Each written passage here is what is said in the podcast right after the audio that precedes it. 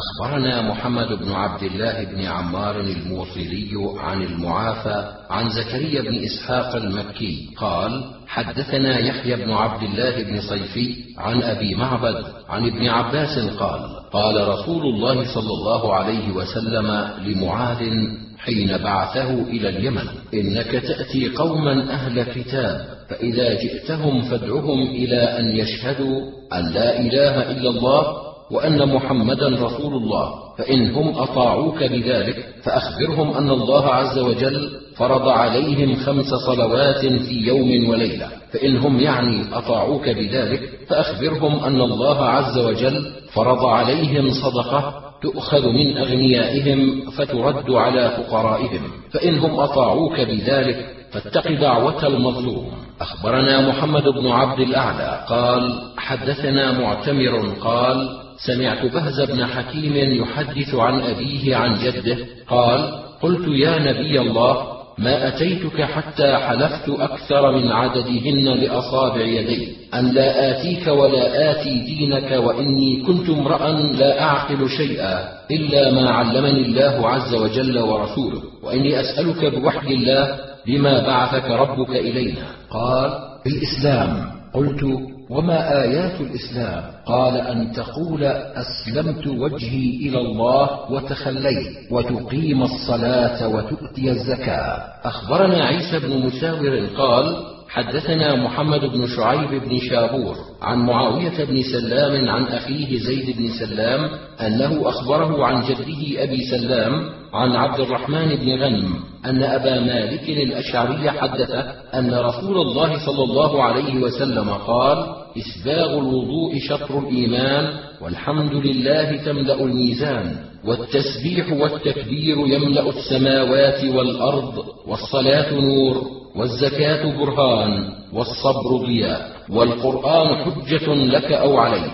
أخبرنا محمد بن عبد الله بن عبد الحكم عن شعيب عن الليث قال أنبأنا خالد عن ابن أبي هلال عن نعيم المجمر أبي عبد الله قال أخبرني صهيب أنه سمع من أبي هريرة ومن أبي سعيد يقولان خطبنا رسول الله صلى الله عليه وسلم يوما فقال والذي نفسي بيده ثلاث مرات ثم أكب فأكب كل رجل منا يبكي لا ندري على ماذا حلف ثم رفع رأسه في وجهه البشرى فكانت أحب إلينا من حمر النعم ثم قال ما من عبد يصلي الصلوات الخمس ويصوم رمضان ويخرج الزكاة ويجتنب الكبائر السبع إلا فتحت له أبواب الجنة فقيل له ادخل بسلام. أخبرني عمرو بن عثمان بن سعيد بن كثير قال حدثنا أبي عن شعيب عن الزهري قال أخبرني حميد بن عبد الرحمن أن أبا هريرة قال سمعت رسول الله صلى الله عليه وسلم يقول من أنفق زوجين من شيء من الأشياء في سبيل الله دعي من أبواب الجنة. يا عبد الله هذا خير لك. وللجنة أبواب فمن كان من أهل الصلاة دعي من باب الصلاة. ومن كان من أهل الجهاد دعي من باب الجهاد. ومن كان من أهل الصدقة دعي من باب الصدقة. ومن كان من أهل الصيام دعي من باب الريان. قال أبو بكر هل على من يدعى من تلك الأبواب من ضرورة؟ فهل يدعى منها كلها أحد يا رسول الله؟ قال نعم وإني أرجو أن تكون منهم. يعني أبا بكر أخبرنا هناد بن السري في حديثه عن أبي معاوية عن الأعمش عن المعرور بن سويد عن أبي ذر قال جئت إلى النبي صلى الله عليه وسلم وهو جالس في ظل الكعبة فلما رآني مقبلا قال هم الأخسرون ورب الكعبة. فقلت مالي لعلي أنزل في شيء. قلت من هم؟ فداك أبي وأمي. قال الأكثرون أموالا إلا من قال هكذا وهكذا وهكذا حتى بين يديه وعن يمينه وعن شماله. ثم قال والذي نفسي بيده لا يموت رجل فيدع إبلا أو بقرا لم يؤد زكاتها إلا جاءت يوم القيامة أعظم ما كانت وأسمنه تطأه بأخفافها وتنطحه بقرونها كلما نفدت أخراها أعيدت أولاها حتى يقضى بين الناس. أخبرنا مجاهد بن موسى قال حدثنا ابن عيينة عن جامع بن أبي راشد عن أبي وائل عن عبد الله قال قال رسول الله صلى الله عليه وسلم ما من رجل له مال لا يؤدي حق ماله إلا جعل له طوقا في عنقه شجاع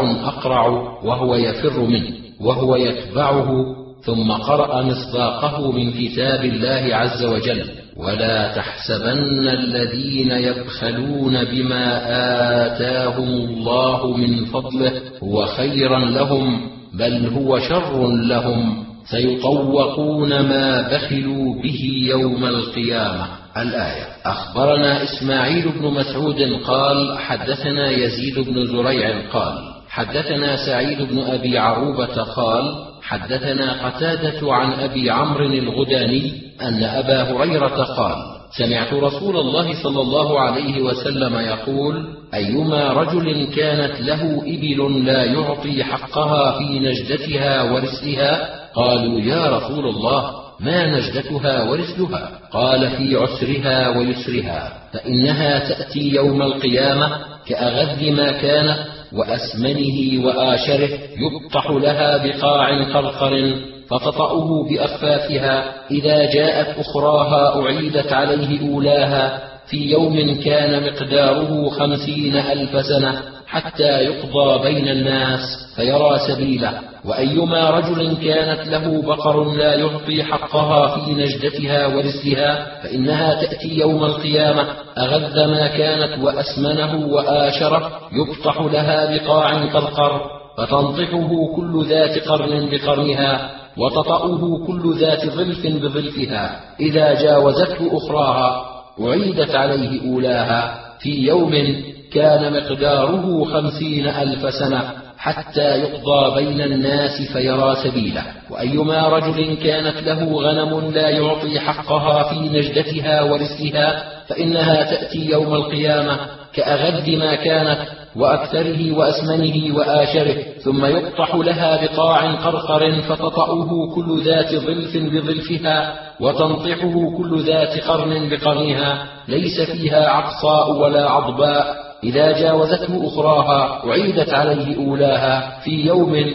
كان مقداره خمسين ألف سنة حتى يقضى بين الناس فيرى سبيله. أخبرنا قتيبة قال حدثنا الليث عن عقيل عن الزهري قال أخبرني عبيد الله بن عبد الله بن عتبة بن مسعود عن أبي هريرة قال لما توفي رسول الله صلى الله عليه وسلم واستخلف أبو بكر بعده وكفر من كفر من العرب. قال عمر لأبي بكر كيف تقاتل الناس؟ وقد قال رسول الله صلى الله عليه وسلم أمرت أن أقاتل الناس حتى يقولوا لا إله إلا الله. فمن قال لا إله إلا الله عصم مني ماله ونفسه إلا بحقه وحسابه على الله. فقال أبو بكر رضي الله عنه لأقاتلن من فرق بين الصلاة والزكاة فإن الزكاة حق المال والله لو منعوني عقالا كانوا يؤدونه إلى رسول الله صلى الله عليه وسلم لقاتلتهم على منعه. قال عمر رضي الله عنه فوالله ما هو إلا أن رأيت الله شرح صدر أبي بكر للقتال فعرفت أنه الحق. أخبرنا عمرو بن علي قال حدثنا يحيى قال حدثنا بهز بن حكيم قال حدثني أبي عن جدي قال سمعت النبي صلى الله عليه وسلم يقول في كل إبل سائمة في كل أربعين ابنة لبون لا يفرق إبل عن حسابها من أعطاها مؤتجرا فله أجرها ومن أبى فإنا آخذوها وشطر إبله عزمة من عزمات ربنا لا يحل لآل محمد صلى الله عليه وسلم منها شيء. أخبرنا عبيد الله بن سعيد قال حدثنا سفيان قال حدثني عمرو بن يحيى وأخبرنا محمد بن المثنى ومحمد بن بشار عن عبد الرحمن عن سفيان وشعبة ومالك عن عمرو بن يحيى عن أبيه. عن أبي سعيد الخدري أن رسول الله صلى الله عليه وسلم قال ليس فيما دون خمسة أوسق صدقة ولا فيما دون خمس ذود صدقة. ولا فيما دون خمسة أواق صدقة أخبرنا عيسى بن حماد قال أنبأنا الليث عن يحيى بن سعيد عن عمرو بن يحيى بن عمارة عن أبي عن أبي سعيد الخدري أن رسول الله صلى الله عليه وسلم قال ليس فيما دون خمسة زوج صدقة وليس فيما دون خمسة أواق صدقة وليس فيما دون خمسة أوسق صدقة. أخبرنا محمد بن عبد الله بن المبارك قال حدثنا المظفر بن مدرك أبو كامل قال حدثنا حماد بن سلمة قال أخذت هذا الكتاب من ثمامة بن عبد الله بن أنس بن مالك عن أنس بن مالك أن أبا بكر كتب لهم إن هذه فرائض الصدقة التي فرض رسول الله صلى الله عليه وسلم على المسلمين التي أمر الله عز وجل بها رسوله صلى الله عليه وسلم فمن سئلها من المسلمين على وجهها فليعطي ومن سئل فوق ذلك فلا يعطي فيما دون خمس وعشرين من الإبل في كل خمس ذود شاة فإذا بلغت خمسا وعشرين ففيها بنت مخاض إلى خمس وثلاثين. فإن لم تكن بنت مخاض فابن لبون ذكر فإذا بلغت ستا وثلاثين ففيها بنت لبون إلى خمس وأربعين فإذا بلغت ستة وأربعين ففيها حقة طروقة الفحل إلى ستين فإذا بلغت إحدى وستين ففيها جذعة إلى خمس وسبعين فإذا بلغت ستا وسبعين ففيها بنتا لبون إلى تسعين. فإذا بلغت إحدى وتسعين ففيها حقتان طروقتا الفحل إلى عشرين ومائة فإذا زادت على عشرين ومائة ففي كل أربعين بنت لبون وفي كل خمسين حقة. فإذا تباين أسنان الإبل في فرائض الصدقات فمن بلغت عنده صدقة الجذع وليست عنده جذع وعنده حقة فإنها تقبل منه الحقة. ويجعل معها شاتين إن استيسرتا له أو عشرين درهما. ومن بلغت عنده صدقة الحقة وليست عنده حقة وعنده جذعة فإنها تقبل منه ويعطيه المتصدق عشرين درهما أو شاتين إن استيسرتا له. ومن بلغت عنده صدقة الحقة وليست عنده وعنده بنت لبون فإنها تقبل منه. ويجعل معها شاتين إن استيسرتا له. أو عشرين درهما ومن بلغت عنده صدقة ابنة لبون وليست عنده إلا حقة فإنها تقبل منه ويعطيه المتصدق عشرين درهما أو شاتين ومن بلغت عنده صدقة ابنة لبون وليست عنده بنت لبون وعنده بنت مخاض فإنها تقبل منه ويجعل معها شاتين إن استيسرتا له. أو عشرين درهما ومن بلغت عنده صدقة ابنة مخاض وليس عنده إلا ابن لبون ذكر فإنه يقبل منه وليس معه شيء ومن لم يكن عنده إلا أربع من الإبل فليس فيها شيء إلا أن يشاء ربها. وفي صدقة الغنم في سائمتها إذا كانت أربعين ففيها شاة إلى عشرين ومائة فإذا زادت واحدة ففيها شاتان إلى مئتين فإذا زادت واحدة ففيها ثلاث شياه إلى ثلاثمائة فإذا زادت ففي كل مئة شاة ولا يؤخذ في الصدقة هلمة ولا ذات عوار ولا تيس الغنم إلا أن يشاء المصدق ولا يجمع بين متفرق ولا يفرق بين مجتمع خشية الصدقة وما كان من خليطين فإنهما يتراجعان بينهما بالسوية فإذا كانت سائمة الرجل ناقصة من أربعين شاة واحدة فليس فيها شيء إلا أن يشاء ربها وفي الرقة ربع العشر فإن لم تكن إلا تسعين ومائة درهم فليس فيها شيء إلا أن يشاء ربها. أخبرنا عمران بن بكار قال حدثنا علي بن عياش قال حدثنا شعيب قال حدثني أبو الزناد مما حدثه عبد الرحمن الأعرج مما ذكر أنه سمع أبا هريرة يحدث به. قال قال رسول الله صلى الله عليه وسلم تأتي الإبل على ربها على خير ما كانت إذا هي لم يعط فيها حقها تطأه بأخفافها وتأتي الغنم على ربها على خير ما كانت إذا لم يعط فيها حقها تطأه بأظلافها وتنطحه بقرونها. قال ومن حقها أن تحلب على الماء ألا لا يأتين أحدكم يوم القيامة ببعير يحمله على رقبته له رغاء فيقول يا محمد فأقول لا أملك لك شيئا. قد بلغت ألا لا يأتين أحدكم يوم القيامة بشاة يحملها على رقبته؟ لها يعار فيقول يا محمد فأقول لا أملك لك شيئا. قد بلغت. قال ويكون كنز أحدهم يوم القيامة شجاعا أقرع يفر منه صاحبه ويطلبه. أنا كنزك. فلا يزال حتى يلقمه أصبعه أخبرنا محمد بن عبد الأعلى. قال حدثنا معتمر قال سمعت بهز بن حكيم يحدث عن أبيه عن جده قال سمعت رسول الله صلى الله عليه وسلم يقول في كل إبل سائمة من كل أربعين ابنة لبون لا تفرق إبل عن حسابها من أعطاها مؤتجرا له أجرها ومن منعها فإنا آخذوها وشطر إبله عزمة من عزمات ربنا لا يحل لآل محمد صلى الله عليه وسلم منها شيء. أخبرنا محمد بن رافع قال حدثنا يحيى بن آدم قال حدثنا مفضل وهو ابن مهلهل عن الأعمش عن شقيق عن مسروق عن معاذ أن رسول الله صلى الله عليه وسلم بعثه إلى اليمن وأمره أن يأخذ من كل حالم دينارا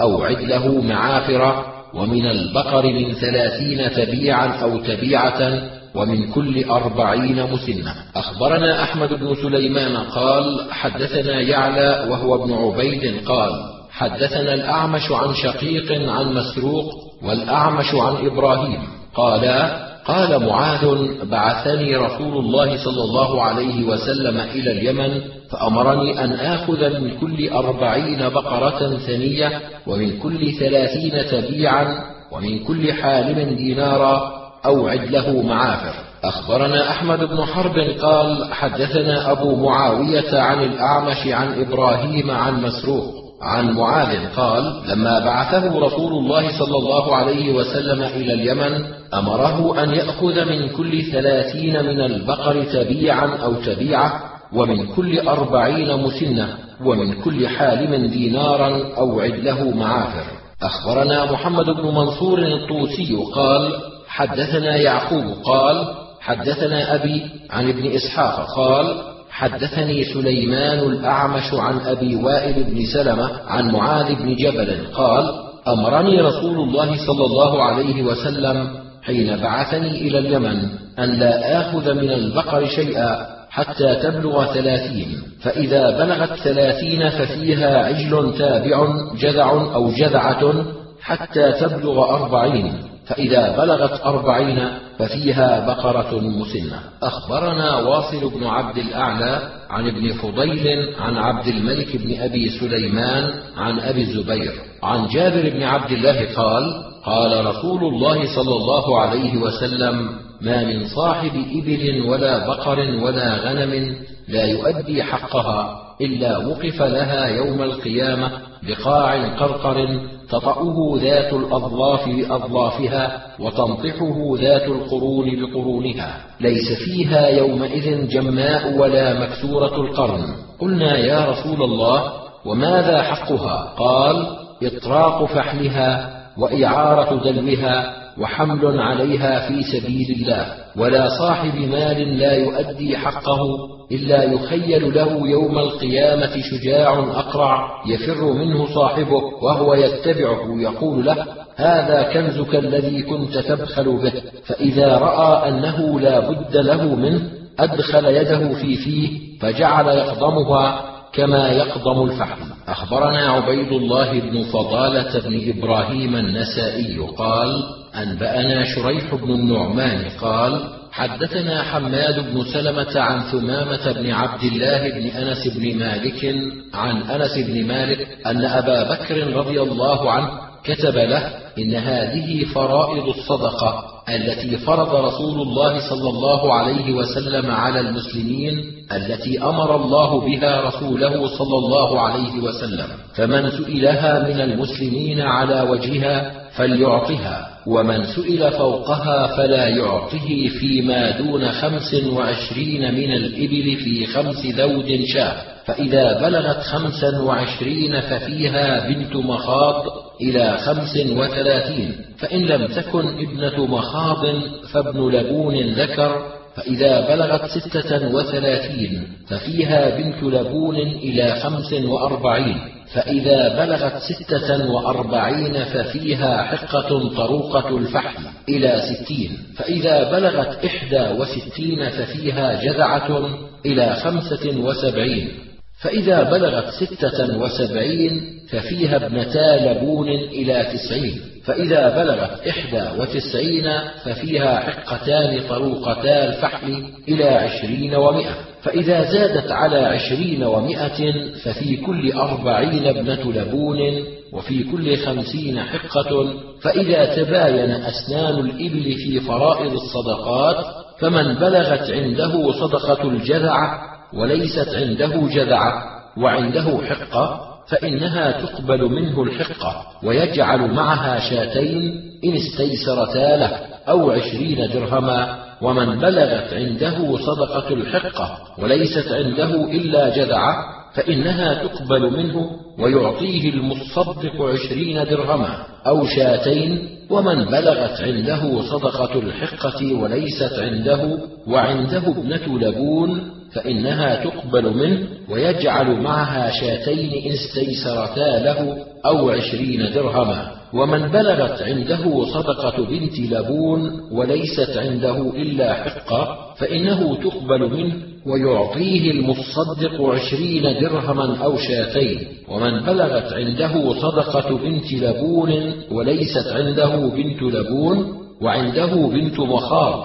فإنها تقبل منه ويجعل معها شاتين إن استيسرتا له أو عشرين درهما. ومن بلغت عنده صدقة ابنة مخاض وليست عنده إلا ابن لبون ذكر فإنه يقبل منه وليس معه شيء. ومن لم يكن عنده إلا أربعة من الإبل فليس فيها شيء إلا أن يشاء ربها. وفي صدقة الغنم في سائمتها إذا كانت أربعين ففيها شاة إلى عشرين ومئة. فإذا زادت واحدة ففيها شاتان إلى مئتين. فإذا زادت واحدة ففيها ثلاث شياه إلى ثلاثمائة. فإذا زادت واحدة ففي كل مئة شاة.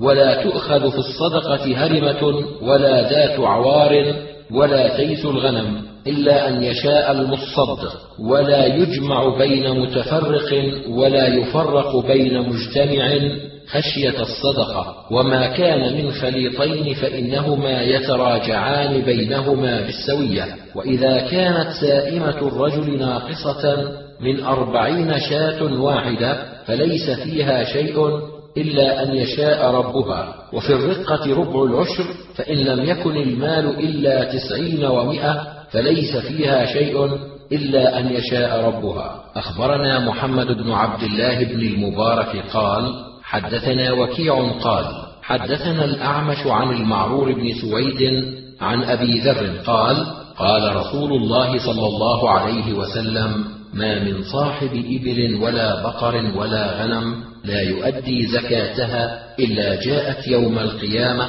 أعظم ما كانت وأسمنه تنطحه بقرونها وتطأه بأخفافها. كلما نفذت أخراها أعادت عليه أولاها حتى يقضى بين الناس. أخبرنا هناد بن السري عن هشيم عن هلال بن خباب عن ميسرة أبي صالح عن سويد بن غفلة قال أتانا مصدق النبي صلى الله عليه وسلم فأتيته فجلست إليه فسمعته يقول إن في عهدي أن لا نأخذ راضع لبن ولا نجمع بين متفرق ولا نفرق بين مجتمع. فأتاه رجل بناقة كوماء فقال خذها فأبى. أخبرنا هارون بن زيد بن يزيد يعني ابن أبي الزرقاء قال حدثنا أبي. قال حدثنا سفيان عن عاصم بن كليب عن أبيه عن وائل بن حجر أن النبي صلى الله عليه وسلم بعث ساعيا فأتى رجلا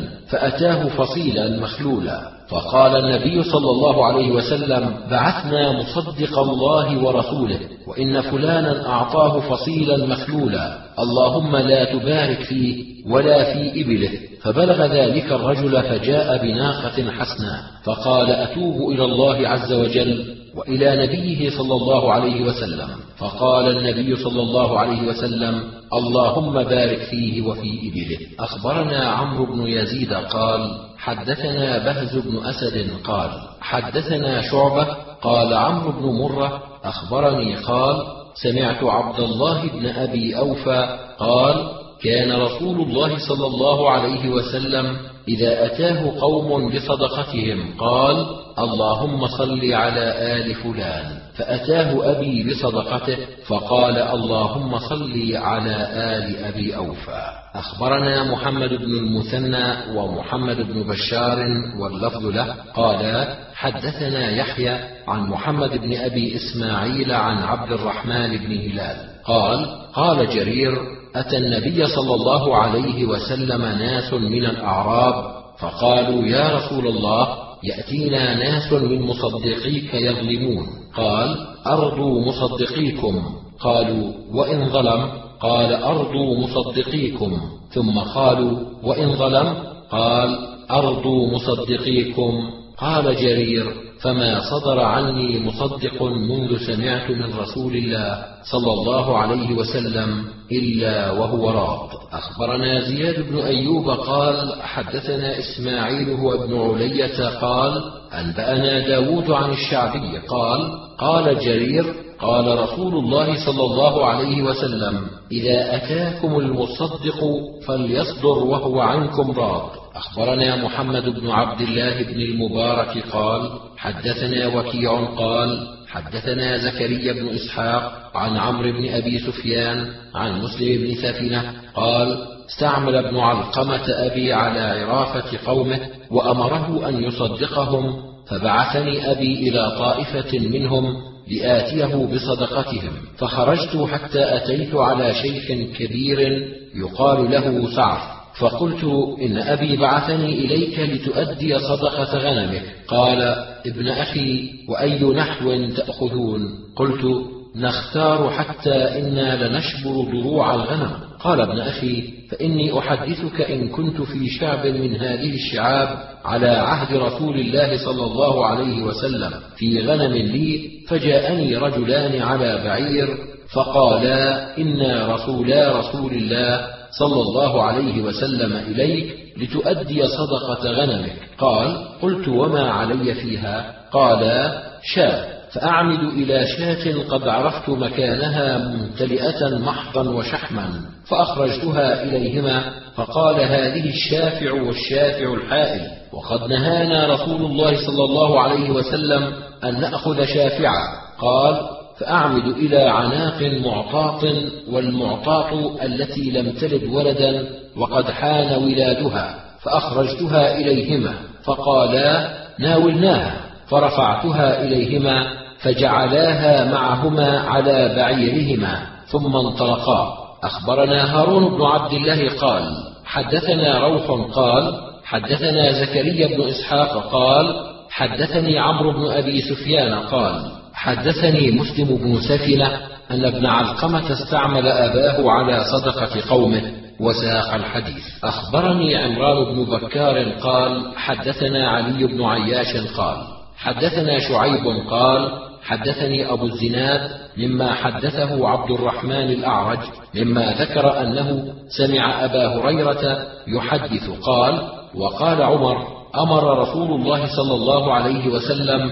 بصدقة. فقيل منع ابن جميل وخالد بن الوليد وعباس بن عبد المطلب. فقال رسول الله صلى الله عليه وسلم ما ينقم ابن جميل إلا أنه كان فقيرا فأغناه الله. وأما خالد بن الوليد فإنكم تظلمون خالدا. قد احتبس اذراعه وأعتده في سبيل الله. وأما العباس بن عبد المطلب عم رسول الله صلى الله عليه وسلم فهي عليه صدقة ومثلها معها. أخبرنا أحمد بن حفص قال حدثني أبي قال حدثني إبراهيم بن طهمان عن موسى قال حدثني أبو الزناد عن عبد الرحمن عن أبي هريرة قال أمر رسول الله صلى الله عليه وسلم بصدقة مثله سواء. أخبرنا عمرو بن منصور ومحمود بن غيلان. قالا حدثنا أبو نعيم قال حدثنا سفيان عن إبراهيم بن ميسرة عن عثمان بن عبد الله بن الأسود عن عبد الله بن هلال الثقفي قال جاء رجل إلى النبي صلى الله عليه وسلم فقال كدت أقتل بعدك في عناق أو شاة من الصدقة. فقال لولا أنها تعطى فقراء المهاجرين ما أخذتها. أخبرنا محمد بن عبد الله بن المبارك قال حدثنا وكيع عن شعبة وسفيان عن عبد الله بن دينار عن سليمان بن يسار عن عراك بن مالك عن أبي هريرة قال قال رسول الله صلى الله عليه وسلم ليس على المسلم في عبده ولا فرسه صدقة. أخبرنا محمد بن علي بن حرب المروزي قال حدثنا محرز بن الوضاح عن إسماعيل وهو ابن أمية عن مكحول عن عراك بن مالك عن أبي هريرة قال قال رسول الله صلى الله عليه وسلم لا زكاة على الرجل المسلم في عبده ولا فرسه. أخبرنا محمد بن منصور قال حدثنا سفيان قال حدثنا أيوب بن موسى عن مكحول عن سليمان بن يسار عن عراك بن مالك عن أبي هريرة يرفعه إلى النبي صلى الله عليه وسلم قال ليس على المسلم في عبده ولا في فرسه صدقة. أخبرنا عبيد الله بن سعيد قال حدثنا يحيى عن خثيم قال حدثنا أبي عن أبي هريرة عن النبي صلى الله عليه وسلم قال ليس على المرء في فرسه ولا في مملوكه صدقة. أخبرنا محمد بن سلمة والحارث بن مسكين قراءة عليه وأنا أسمع واللفظ له. عن ابن القاسم قال حدثني مالك عن عبد الله بن دينار عن سليمان بن يسار عن عراك بن مالك عن أبي هريرة أن رسول الله صلى الله عليه وسلم قال ليس على المسلم في عبده ولا في فرسه صدقة. أخبرنا قتيبة قال حدثنا حماد عن خثيم بن عراك بن مالك عن أبيه عن أبي هريرة أن النبي صلى الله عليه وسلم قال ليس على المسلم صدقة في غلامه ولا في فرسه. أخبرنا يحيى بن حبيب بن عربي عن حماد قال: حدثنا يحيى وهو ابن سعيد عن عمرو بن يحيى عن أبيه عن أبي سعيد الخدري قال: قال رسول الله صلى الله عليه وسلم: ليس فيما دون خمسة أواق صدقة ولا فيما دون خمس ذود صدقة وليس فيما دون خمس أوسق صدقة. أخبرنا محمد بن سلمة قال أنبأنا ابن القاسم عن مالك قال حدثني محمد بن عبد الله بن عبد الرحمن بن أبي صعصعة المازني عن أبيه عن أبي سعيد الخدري أن رسول الله صلى الله عليه وسلم قال ليس فيما دون خمس أوسق من التمر صدقة وليس فيما دون خمس أواق من الورق صدقة وليس فيما دون خمس ذود من الإبل صدقة. أخبرنا هارون بن عبد الله قال حدثنا أبو أسامة عن الوليد بن كثير عن محمد بن عبد الرحمن بن أبي صعصعة عن يحيى بن عمارة وعباد بن تميم عن أبي سعيد الخدري أنه سمع رسول الله صلى الله عليه وسلم يقول لا صدقة فيما دون خمس أوساق من التمر ولا فيما دون خمس أواق من الورق صدقة ولا فيما دون خمس ذود من الإبل صدقة. أخبرنا محمد بن منصور الطوسي قال حدثنا يعقوب قال حدثنا أبي قال حدثنا ابن إسحاق قال حدثني محمد بن يحيى بن حبان ومحمد بن عبد الله بن عبد الرحمن بن أبي صعصع وكانا ثقة عن يحيى بن عمارة بن أبي حسن وعباد بن تميم وكانا ثقة عن أبي سعيد الخدري قال سمعت رسول الله صلى الله عليه وسلم يقول ليس فيما دون خمس أواق من الورق صدقة وليس فيما دون خمس من الإبل صدقة وليس فيما دون خمسة أوسق صدقة. أخبرنا محمود بن غيلان قال حدثنا أبو أسامة قال حدثنا سفيان عن أبي إسحاق عن عاصم بن ضمرة عن علي رضي الله عنه قال قال رسول الله صلى الله عليه وسلم قد عفوت عن الخيل والرقيق فأدوا زكاة أموالكم من كل مئتين خمسة. أخبرنا حسين بن منصور قال حدثنا ابن نمير قال حدثنا الأعمش عن أبي إسحاق عن عاصم بن ضمرة عن علي رضي الله عنه قال قال رسول الله صلى الله عليه وسلم قد عفوت عن الخيل والرقيق وليس فيما دون مئتين زكاة. أخبرنا إسماعيل بن مسعود قال حدثنا خالد عن حسين عن عمرو بن شعيب عن أبيه عن جده أن امرأة من أهل اليمن أتت رسول الله صلى الله عليه وسلم وبنت لها في يد ابنتها مسكتان غليظتان من ذهب فقال أتؤدين زكاة هذا؟ قالت لا قال أيسرك أن يسورك الله عز وجل بهما يوم القيامة سوارين من نار قال فخلعتهما فألقتهما إلى رسول الله صلى الله عليه وسلم فقالت هما لله ولرسوله صلى الله عليه وسلم. أخبرنا محمد بن عبد الأعلى قال حدثنا المعتمر بن سليمان قال سمعت حسينا قال حدثني عمرو بن شعيب قال جاءت امرأة ومعها بنت لها إلى رسول الله صلى الله عليه وسلم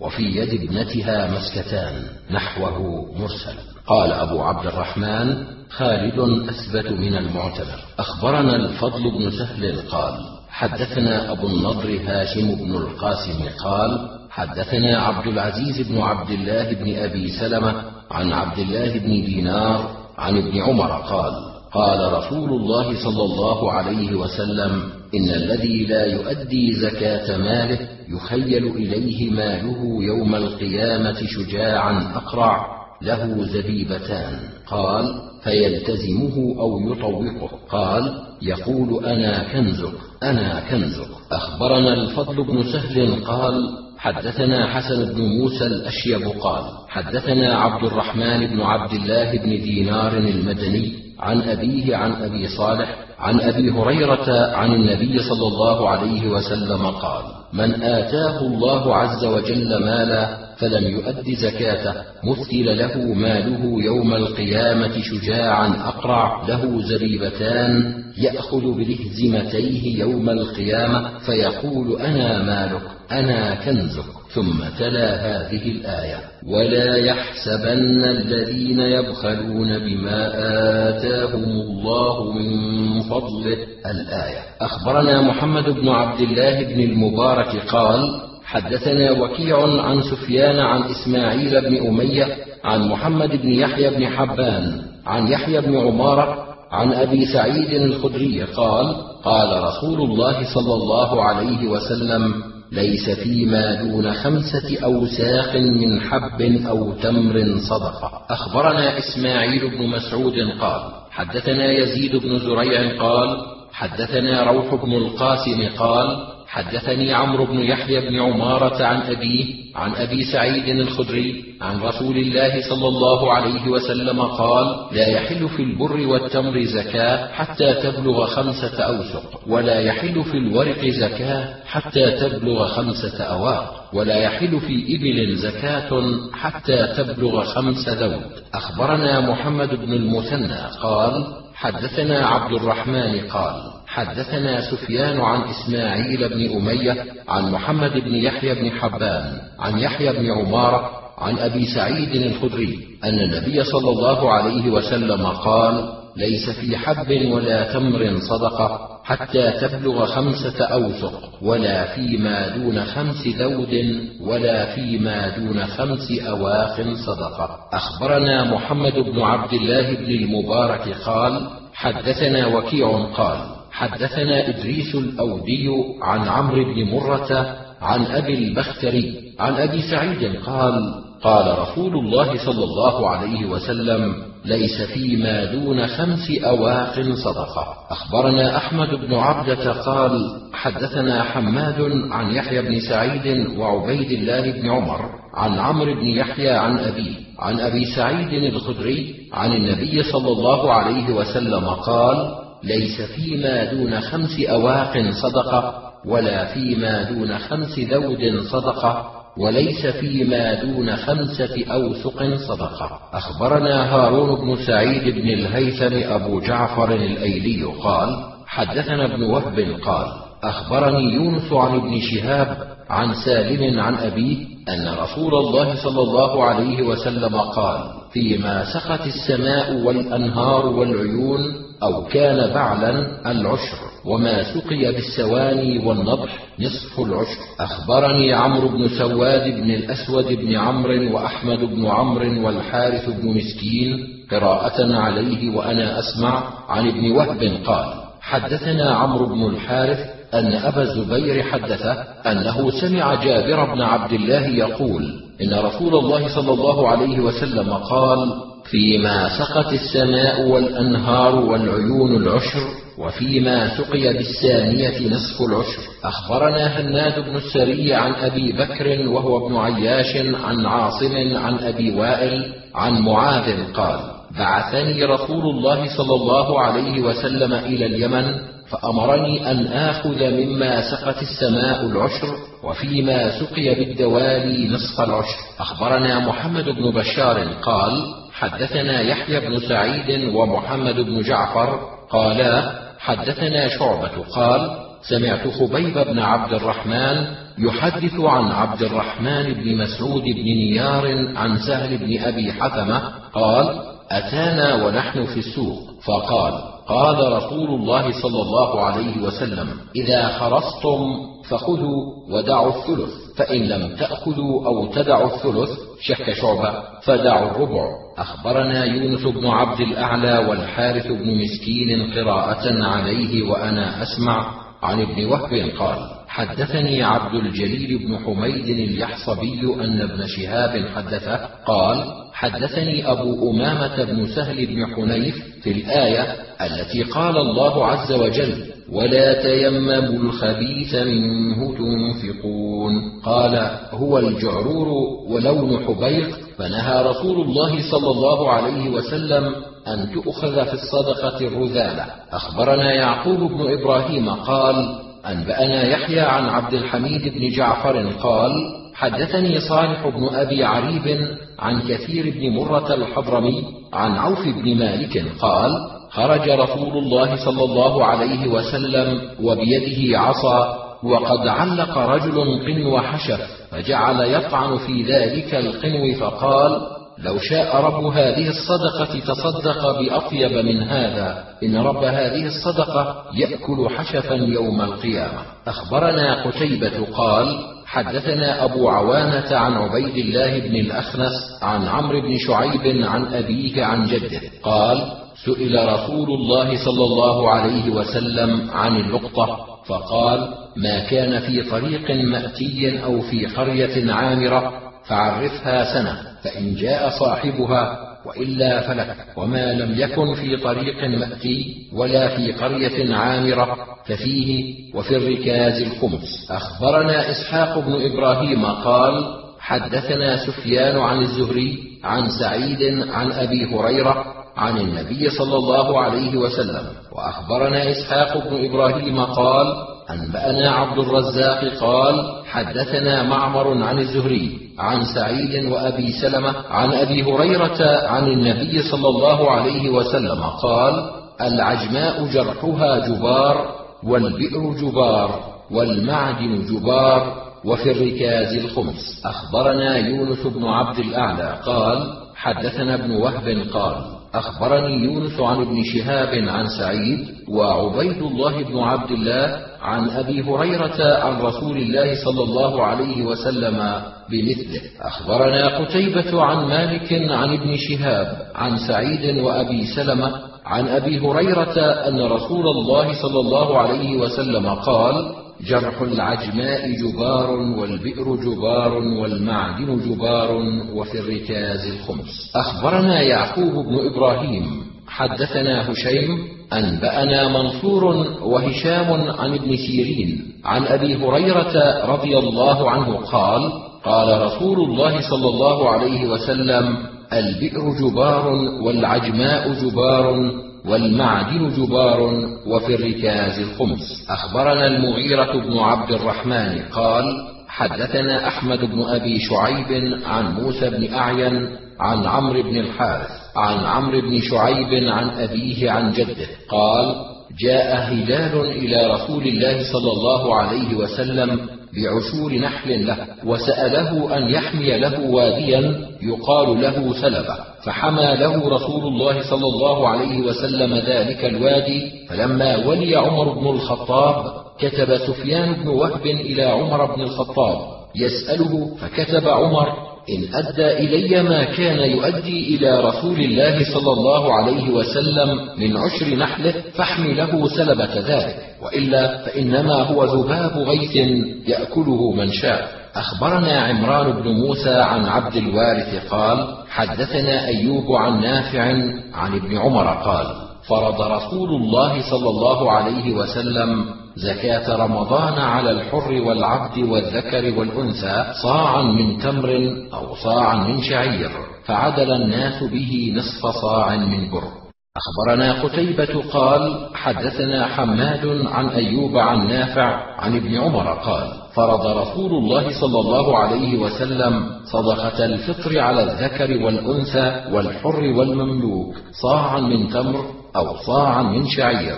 قال فعدل الناس إلى نصف صاع من بر. أخبرنا قتيبة قال حدثنا مالك عن نافع عن ابن عمر قال فرض رسول الله صلى الله عليه وسلم زكاة رمضان على كل صغير وكبير حر وعبد ذكر وأنثى صاعا من تمر أو صاعا من شعير. أخبرنا محمد بن سلمة والحارث بن مسكين قراءة عليه وأنا أسمع واللفظ له عن ابن القاسم قال حدثني مالك عن نافع عن ابن عمر أن رسول الله صلى الله عليه وسلم فرض زكاة الفطر من رمضان على الناس صاعا من تمر أو صاعا من شعير. على كل حر أو عبد ذكر أو أنثى من المسلمين. أخبرنا يحيى بن محمد بن السكن قال حدثنا محمد بن جهضم قال حدثنا إسماعيل بن جعفر عن عمر بن نافع عن أبيه عن ابن عمر قال فرض رسول الله صلى الله عليه وسلم زكاة الفطر صاعا من تمر أو صاعا من شعير على الحر والعبد والذكر والأنثى والصغير والكبير من المسلمين وأمر بها أن تؤدى قبل خروج الناس إلى الصلاة. أخبرنا إسحاق بن إبراهيم قال أنبأنا عيسى قال حدثنا عبيد الله عن نافع عن ابن عمر قال فرض رسول الله صلى الله عليه وسلم صدقة الفطر على الصغير والكبير والذكر والأنثى والحر والعبد صاعا من تمر أو صاعا من شعير. أخبرنا إسماعيل بن مسعود قال حدثنا يزيد بن زريع قال أنبأنا شعبة عن الحكم بن عتيبة عن القاسم بن مخيمرة عن عمرو بن شرحبيل عن قيس بن سعد بن عبادة قال كنا نصوم عاشوراء ونؤدي زكاة الفطر فلما نزل رمضان ونزلت الزكاة لم نؤمر به ولم ننه عنه وكنا نفعله. أخبرنا محمد بن عبد الله بن المبارك قال حدثنا وكيع عن سفيان عن سلمة بن كهيل عن القاسم بن مخيمرة عن أبي عمار الهمداني عن قيس بن سعد قال أمرنا رسول الله صلى الله عليه وسلم بصدقة الفطر قبل أن تنزل الزكاة فلما نزلت الزكاة لم يأمرنا ولم ينهنا ونحن نفعله. قال أبو عبد الرحمن أبو عمار اسمه عريب بن حميد وعمرو بن شرحبيل يكنى أبا ميسرة وسلمة بن كهيل خالف الحكم في إسناده والحكم أثبت من سلمة بن كهيل. أخبرنا محمد بن المثنى قال حدثنا خالد وهو ابن الحارث قال حدثنا حميد عن الحسن قال قال ابن عباس وهو أمير البصرة في آخر الشهر. أخرجوا زكاة صومكم. فنظر الناس بعضهم إلى بعض فقال من ها هنا من أهل المدينة؟ قوموا فعلموا إخوانكم فإنهم لا يعلمون. إن هذه الزكاة فرضها رسول الله صلى الله عليه وسلم على كل ذكر وأنثى حر ومملوك صاعا من شعير أو تمر أو نصف صاع من قمح. فقاموا خالفه هشام. فقال عن محمد بن سيرين. أخبرنا علي بن ميمون عن مخلد عن هشام عن ابن سيرين عن ابن عباس قال ذكر في صدقة الفطر قال صاعا من بر أو صاعا من تمر أو صاعا من شعير أو صاعا من سلت. أخبرنا قتيبة قال حدثنا حماد عن أيوب عن أبي رجاء قال سمعت ابن عباس يخطب على منبركم يعني منبر البصرة يقول صدقة الفطر صاع من طعام. قال أبو عبد الرحمن هذا أثبت الثلاثة. أخبرني محمد بن علي بن حرب. قال حدثنا محرز بن الوضاح عن إسماعيل وهو ابن أمية عن الحارث بن عبد الرحمن بن أبي ذباب عن عياض بن عبد الله بن أبي سرح عن أبي سعيد الخدري قال فرض رسول الله صلى الله عليه وسلم صدقة الفطر صاعا من شعير أو صاعا من تمر أو صاعا من اقط أخبرنا محمد بن عبد الله بن المبارك قال حدثنا وكيع عن سفيان عن زيد بن أسلم عن عياض بن عبد الله بن أبي سرح عن أبي سعيد قال كنا نخرج زكاة الفطر إذ كان فينا رسول الله صلى الله عليه وسلم صاعا من طعام أو صاعا من شعير أو صاعا من تمر أو صاعا من زبيب أو صاعا من أقط أخبرنا هناد بن السري عن وكيع عن داود بن قيس عن عياض بن عبد الله عن أبي سعيد قال كنا نخرج صدقة الفطر إذ كان فينا رسول الله صلى الله عليه وسلم صاعا من طعام أو صاعا من تمر أو صاعا من شعير أو صاعا من أقط فلم نزل كذلك حتى قدم معاوية من الشام. وكان فيما علم الناس أنه قال ما أرى مدين من سمراء الشام إلا تعدل صاعا من هذا. قال فأخذ الناس بذلك. أخبرنا محمد بن منصور قال حدثنا سفيان عن ابن عجلان. قال سمعت عياض بن عبد الله يخبر عن أبي سعيد الخدري. قال لم نخرج على عهد رسول الله صلى الله عليه وسلم إلا صاعا من تمر أو صاعا من شعير أو صاعا من زبيب أو صاعا من دقيق أو صاعا من أقط أو صاعا من سلت. ثم شك سفيان فقال دقيق أو سلت. أخبرنا علي بن حجر قال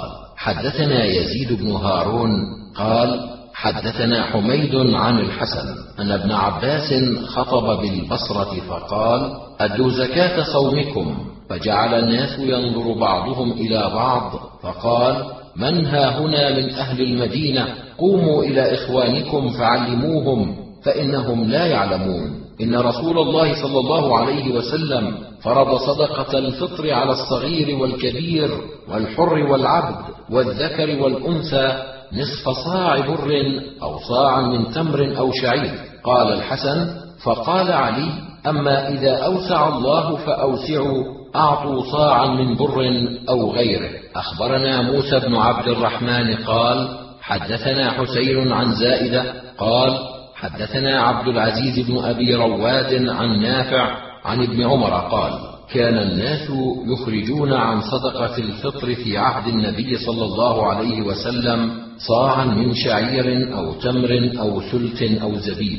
أخبرنا عمرو بن علي قال حدثنا يحيى قال حدثنا داود بن قيس قال حدثنا عياض عن أبي سعيد الخدري قال كنا نخرج في عهد رسول الله صلى الله عليه وسلم صاعا من شعير أو تمر أو زبيب أو أقط فلم نزل كذلك حتى كان في عهد معاوية قال ما أرى مدين من سمراء الشام إلا تعدل صاعا من شعير أخبرنا عيسى بن حماد قال أنبأنا الليث عن يزيد عن عبيد الله بن عبد الله بن عثمان أن عياض بن عبد الله بن سعد حدثه أن أبا سعيد الخدري قال كنا نخرج في عهد رسول الله صلى الله عليه وسلم صاعا من تمر أو صاعا من شعير أو صاعا من أقط لا نخرج غيره. أخبرنا عمرو بن زرارة قال أنبأنا القاسم وهو ابن مالك عن الجعيد.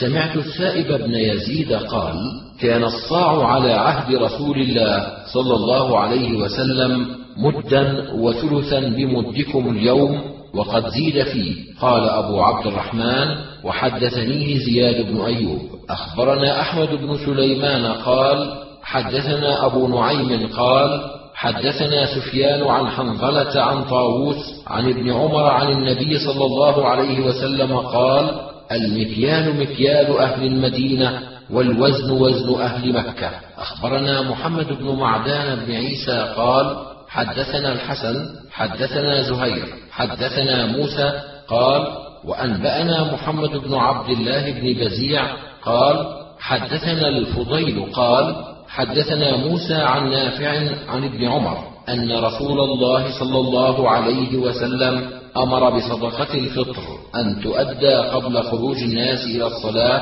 قال ابن بزيع بزكاة الفطر. أخبرنا محمد بن عبد الله بن المبارك قال حدثنا وكيع قال حدثنا زكريا بن إسحاق وكان ثقة عن يحيى بن عبد الله بن صيفي عن أبي معبد عن ابن عباس أن النبي صلى الله عليه وسلم بعث معاذ بن جبل إلى اليمن فقال إنك تأتي قوما أهل كتاب فادعهم إلى شهادة أن لا إله إلا الله وأني رسول الله فإنهم أطاعوك فأعلمهم أن الله عز وجل افترض عليهم خمس صلوات في كل يوم وليلة فإنهم أطاعوك فأعلمهم أن الله عز وجل قد افترض عليهم صدقة في أموالهم تؤخذ من أغنيائهم فتوضع في فقرائهم فإنهم أطاعوك لذلك فإياك وكرائم أموالهم واتق دعوة المظلوم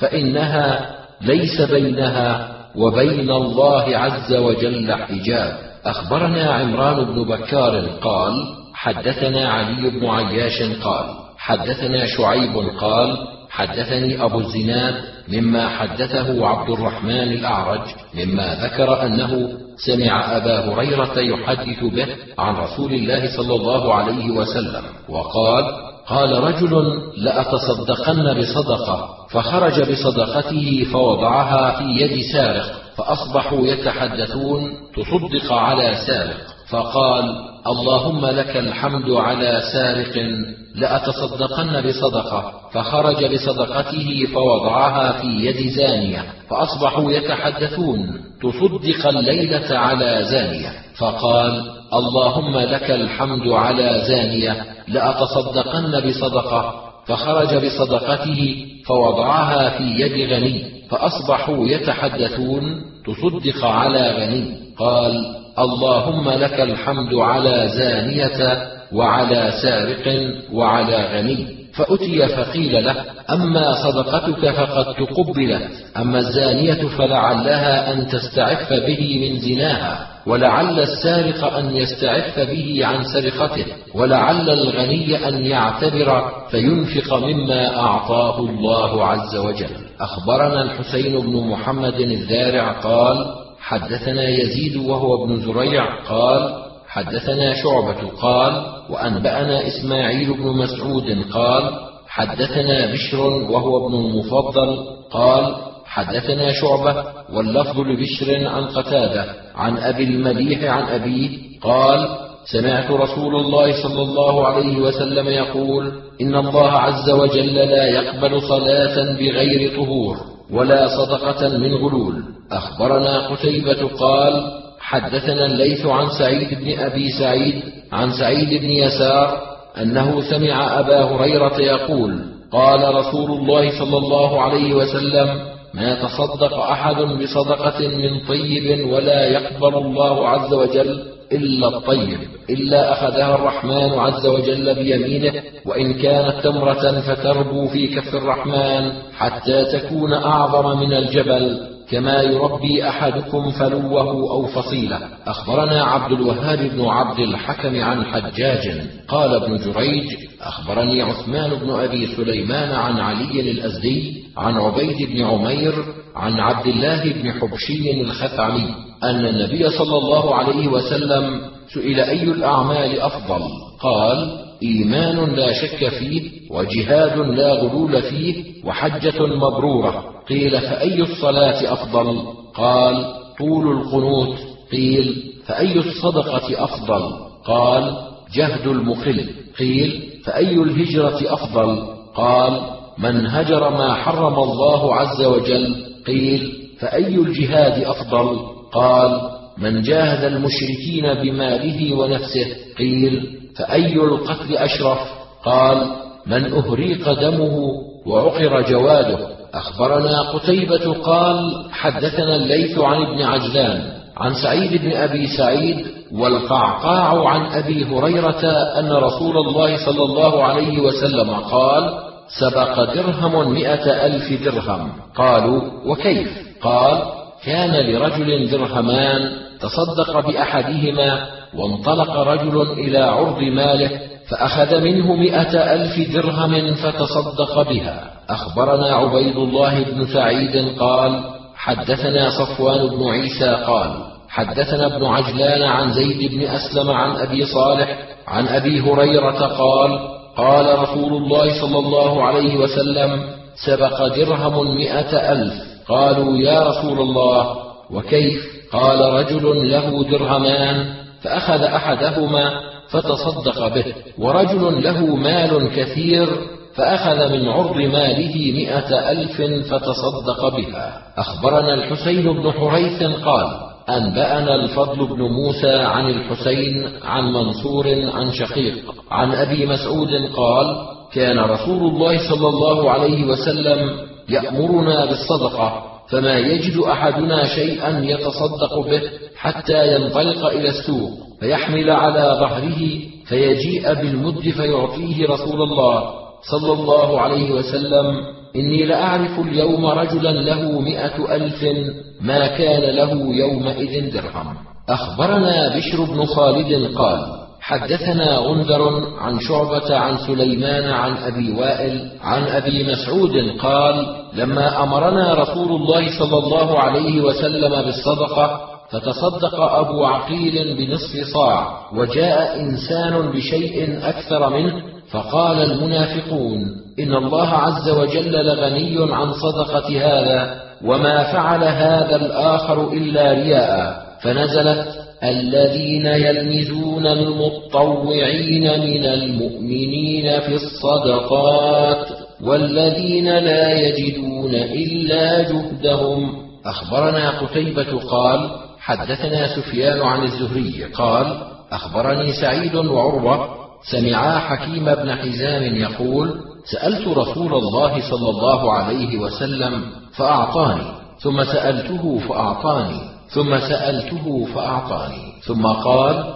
إن هذا المال خضرة حلوة فمن أخذه بطيب نفس بورك له فيه ومن أخذه بإشراف نفس لم يبارك له فيه وكان كالذي يأكل ولا يشبع واليد العليا خير من اليد السفلى. أخبرنا يوسف بن عيسى قال أنبأنا الفضل بن موسى قال حدثنا يزيد وهو ابن زياد بن أبي الجعد عن جامع بن شداد عن طارق المحاربي قال قدمنا المدينة فإذا رسول الله صلى الله عليه وسلم قائم على المنبر يخطب الناس وهو يقول يد المعطي العليا وابدأ بمن تعول أمك وأباك وأختك وأخاك ثم أدناك أدناك. مختصر.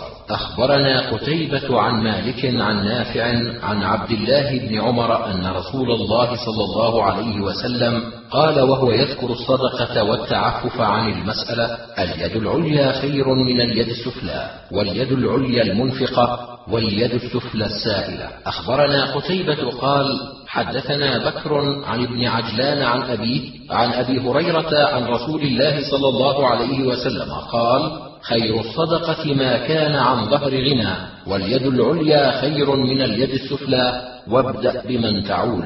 أخبرنا عمرو بن علي ومحمد بن المثنى قال حدثنا يحيى عن ابن عجلان عن سعيد عن أبي هريرة قال قال رسول الله صلى الله عليه وسلم تصدقوا. فقال رجل يا رسول الله عندي دينار. قال تصدق به على نفسك. قال عندي آخر. قال تصدق به على زوجتك. قال عندي آخر. قال تصدق به على ولدك. قال عندي آخر. قال تصدق به على خادمك. قال عندي آخر. قال أنت أبصر. أخبرنا عمرو بن علي قال حدثنا يحيى. قال حدثنا ابن عجلان عن عياض. عن أبي سعيد أن رجلا دخل المسجد يوم الجمعة ورسول الله صلى الله عليه وسلم يخطب فقال صل ركعتين. ثم جاء الجمعة الثانية والنبي صلى الله عليه وسلم يخطب فقال صل ركعتين. ثم جاء الجمعة الثالثة فقال صل ركعتين. ثم قال تصدقوا فتصدقوا فأعطاه ثوبين ثم قال تصدقوا فطرح أحد ثوبيه فقال رسول الله صلى الله عليه وسلم ألم تروا إلى هذا إنه دخل المسجد بهيئة بذة؟ فرجوت أن تفطنوا له فتتصدقوا عليه فلم تفعلوا. فقلت تصدقوا فتصدقتم فأعطيته ثوبين ثم قلت تصدقوا فطرح أحد ثوبيه خذ ثوبك وانتهره. أخبرنا قتيبة قال حدثنا حاتم عن يزيد بن أبي عبيد قال سمعت عميرا مولى ابي اللحم قال أمرني مولاي أن أقدد لحما فجاء مسكين فأطعمته منه فعلم بذلك مولاي فضربني فأتيت رسول الله صلى الله عليه وسلم فدعاه فقال لم ضربته؟ فقال يطعم طعامي بغير أن آمره وقال مرة أخرى بغير أمري. قال الأجر بينكما. أخبرني محمد بن عبد الأعلى. قال حدثنا خالد. قال حدثنا شعبة. قال أخبرني ابن أبي بردة. قال سمعت أبي يحدث عن أبي موسى عن النبي صلى الله عليه وسلم. قال على كل مسلم صدقة. قيل أرأيت إن لم يجدها؟ قال يعتمل بيده. فينفع نفسه ويتصدق. قيل أرأيت إن لم يفعل؟ قال يعين ذا الحاجة الملهوف. قيل فإن لم يفعل؟ قال يأمر بالخير. قيل أرأيت إن لم يفعل؟ قال يمسك عن الشر فإنها صدقة. أخبرنا محمد بن المثنى ومحمد بن بشار قالا حدثنا محمد بن جعفر قال حدثنا شعبة عن عمرو بن مرة قال سمعت أبا وائل يحدث عن عائشة عن النبي صلى الله عليه وسلم قال إذا تصدقت المرأة من بيت زوجها كان لها أجر وللزوج مثل ذلك وللخازن مثل ذلك ولا ينقص كل واحد منهما من أجر صاحبه شيئا للزوج بما كسب ولها بما أنفقت. أخبرنا إسماعيل بن مسعود قال حدثنا خالد بن الحارث قال حدثنا حسين المعلم عن عمرو بن شعيب أن أباه حدثه عن عبد الله بن عمرو قال لما فتح رسول الله صلى الله عليه وسلم مكة قام خطيبا فقال في خطبته لا يجوز لامرأة عطية إلا بإذن زوجها. مختصر. أخبرنا أبو داود قال حدثنا يحيى بن حماد قال أنبأنا أبو عوانة عن فراس عن عامر عن مسروق عن عائشة رضي الله عنها أن أزواج النبي صلى الله عليه وسلم اجتمعن عنده فقلن أيتنا بك أسرع لحوقا فقال أطولكن يدا فأخذن قصبة فجعلن يذرعنها. فكانت سودة أسرعهن به لحوقا فكانت أطولهن يدا فكان ذلك من كثرة الصدقة. أخبرنا محمود بن غيلان قال حدثنا وكيع قال حدثنا سفيان عن عمارة بن القعقاع عن أبي زرعة عن أبي هريرة قال قال رجل يا رسول الله أي الصدقة أفضل؟ قال أن تصدق وأنت صحيح شحيح تأمل العيش وتخشى الفقر. أخبرنا عمرو بن علي قال حدثنا يحيى قال حدثنا عمرو بن عثمان قال سمعت موسى بن طلحة أن حكيم بن حزام حدثه قال قال رسول الله صلى الله عليه وسلم أفضل الصدقة ما كان عن ظهر غنى واليد العليا خير من اليد السفلى وابدأ بمن تعول. أخبرنا عمرو بن سواد بن الأسود بن عمرو عن ابن وهب قال أنبأنا يونس عن ابن شهاب قال حدثنا سعيد بن المسيب أنه سمع أبا هريرة يقول قال رسول الله صلى الله عليه وسلم خير الصدقة ما كان عن ظهر غنى وابدأ بمن تعول. أخبرنا محمد بن بشار قال حدثنا محمد قال حدثنا شعبة عن عدي بن ثابت قال سمعت عبد الله بن يزيد الأنصاري يحدث عن أبي مسعود عن النبي صلى الله عليه وسلم قال إذا أنفق الرجل على أهله وهو يحتسبها كانت له صدقة. أخبرنا قتيبة قال حدثنا الليث عن أبي الزبير عن جابر قال أعتق رجل من بني عذرة عبدا له عن دبر فبلغ ذلك رسول الله صلى الله عليه وسلم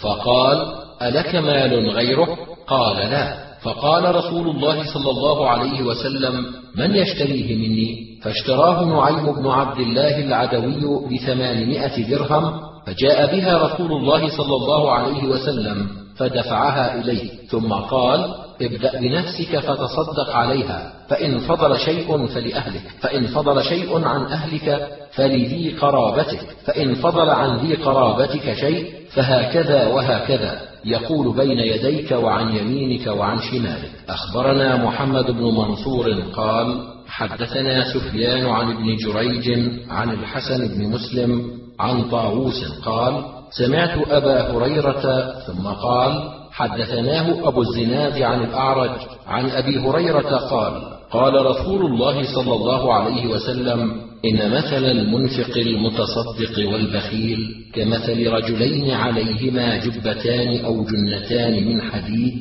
من لدن ثديهما إلى تراقيهما فإذا أراد المنفق أن ينفق اتسعت عليه الدرع أو مرت حتى تجن بنانه وتعفو أثره وإذا أراد البخيل أن ينفق خلصت ولزمت كل حلقة موضعها حتى إذا أخذته بترقوته أو برقبته يقول أبو هريرة أشهد أنه رأى رسول الله صلى الله عليه وسلم يوسعها فلا تتسع. قال طاووس سمعت أبا هريرة يشير بيده وهو يوسعها ولا تتوسع. أخبرنا أحمد بن سليمان قال حدثنا عفان قال حدثنا وهيب قال حدثنا عبد الله بن طاووس عن أبيه عن أبي هريرة عن النبي صلى الله عليه وسلم قال مثل البخيل والمتصدق مثل رجلين عليهما جنتان من حديد قد اضطرت أيديهما إلى تراقيهما فكلما هم المتصدق بصدقة اتسعت عليه حتى تعفي أثره وكلما هم البخيل بصدقة تقبضت كل حلقة إلى صاحبتها وتقلصت عليه وانضمت يداه إلى تراقيه وسمعت رسول الله صلى الله عليه وسلم يقول فيجتهد أن يوسعها فلا تتسع. أخبرني محمد بن عبد الله بن عبد الحكم عن شعيب. حدثني الليث قال حدثنا خالد عن ابن أبي هلال عن أمية بن هند عن أبي أمامة بن سهل بن حنيف قال كنا يوما في المسجد جلوسا ونفر من المهاجرين والأنصار فأرسلنا رجلا إلى عائشة ليستأذن فدخلنا عليها. قالت دخل علي سائل مرة وعندي رسول الله صلى الله عليه وسلم فأمرت له بشيء ثم دعوت به فنظرت إليه فقال رسول الله صلى الله عليه وسلم أما تريدين أن لا يدخل بيتك شيء ولا يخرج إلا بعلمك؟ قلت نعم. قال مهلا يا عائشة لا تحصي فيحصي الله عز وجل عليك. أخبرنا محمد بن آدم عن عبدة عن هشام بن عروة عن فاطمة عن أسماء بنت أبي بكر أن النبي صلى الله عليه وسلم قال لها لا تحصي فيحصي الله عز وجل عليك. أخبرنا الحسن بن محمد عن حجاج قال قال ابن جريج أخبرني ابن أبي مليكة عن عباد بن عبد الله بن الزبير عن أسماء بنت أبي بكر أنها جاءت النبي صلى الله عليه وسلم فقالت يا نبي الله ليس لي شيء إلا ما أدخل علي الزبير فهل علي جناح في أن أرضخ مما يدخل علي؟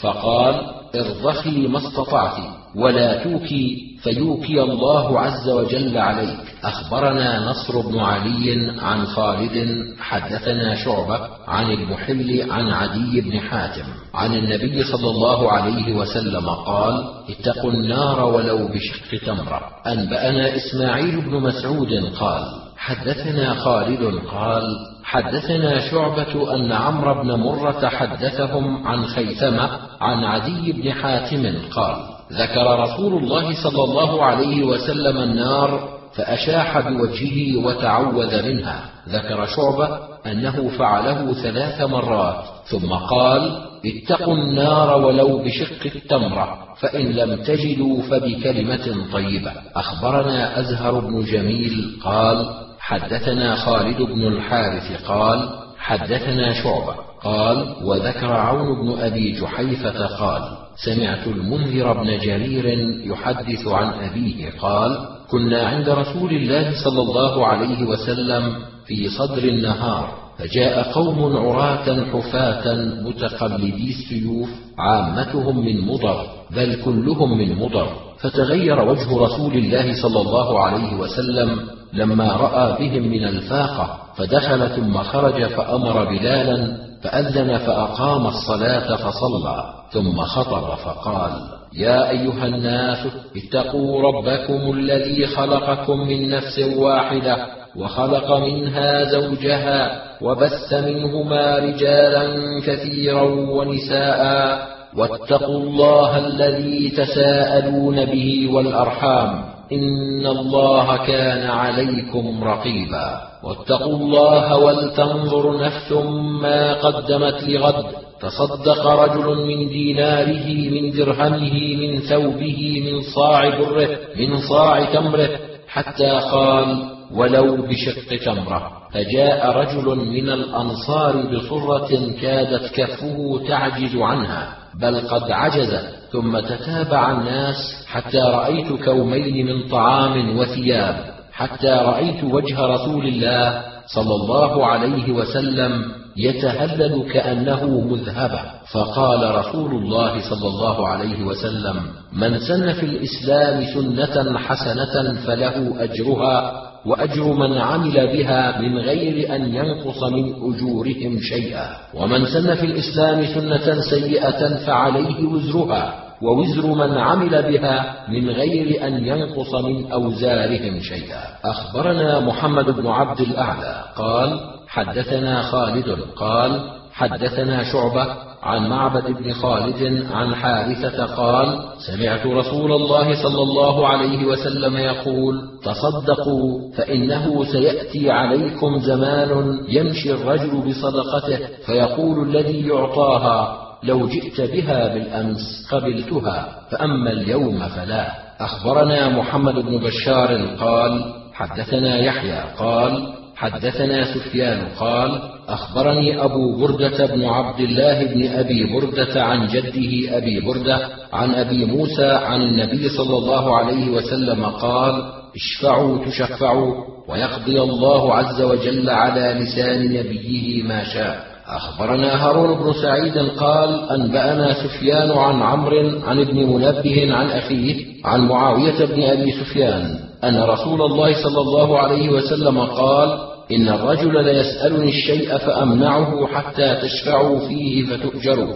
وإن رسول الله صلى الله عليه وسلم قال اشفعوا تؤجروا. أخبرنا إسحاق بن منصور قال حدثنا محمد بن يوسف قال حدثنا الأوزاعي عن يحيى بن أبي كثير قال حدثني محمد بن إبراهيم بن الحارث التيمي عن ابن جابر عن أبيه قال قال رسول الله صلى الله عليه وسلم إن من الغيرة ما يحب الله عز وجل ومنها ما يبغض الله عز وجل ومن الخيلاء ما يحب الله عز وجل ومنها ما يبغض الله عز وجل. فأما الغيرة التي يحب الله عز وجل فالغيرة في الريبة.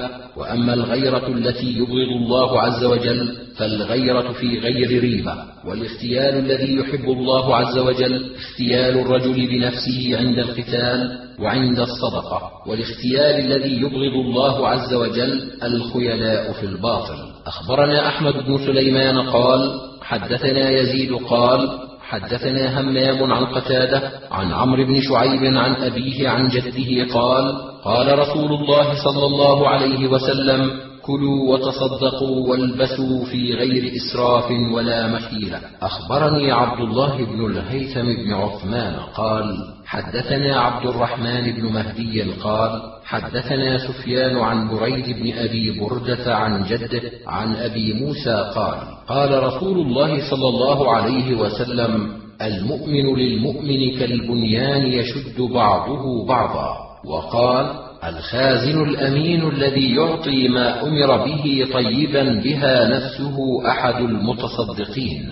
أخبرنا محمد بن سلمة قال حدثنا ابن وهب عن معاوية بن صالح عن يحيى بن سعيد عن خالد بن معدان عن كثير بن مرة عن عقبة بن عامر أن رسول الله صلى الله عليه وسلم قال الجاهر بالقرآن كالجاهر بالصدقة والمسر بالقرآن كالمسر بالصدقة. أخبرنا عمرو بن علي قال حدثنا يزيد بن زريع قال حدثنا عمر بن محمد عن عبد الله بن يسار عن سالم بن عبد الله عن أبيه قال قال رسول الله صلى الله عليه وسلم ثلاثة لا ينظر الله عز وجل إليهم يوم القيامة العاق لوالديه والمرأة المترجلة والديوث وثلاثة لا يدخلون الجنة العاق لوالديه والمدمن على الخمر والمنان بما أعطى. أخبرنا محمد بن بشار عن محمد قال حدثنا شعبة عن علي بن المدرك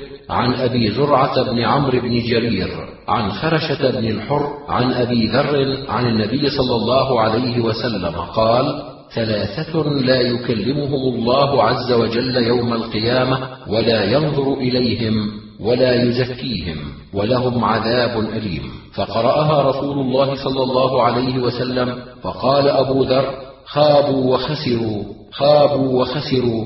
قال المسبل إزاره والمنفق سلعته بالحلف الكاذب والمنان عطاءه. أخبرنا بشر بن خالد قال حدثنا غندر عن شعبة قال سمعت سليمان وهو الأعمش عن سليمان بن مسهر عن خرشة بن الحر عن أبي ذر قال قال رسول الله صلى الله عليه وسلم ثلاثة لا يكلمهم الله عز وجل يوم القيامة ولا ينظر إليهم ولا يزكيهم ولهم عذاب أليم. المنان بما أعطى والمسبل إزاره والمنفق سلعته بالحلف الكاذب. أخبرني هارون بن عبد الله قال حدثنا معن قال حدثنا مالك وأنبأنا قتيبة بن سعيد عن مالك عن زيد بن أسلم عن ابن بجيد الأنصاري عن جدته أن رسول الله صلى الله عليه وسلم قال ردوا السائل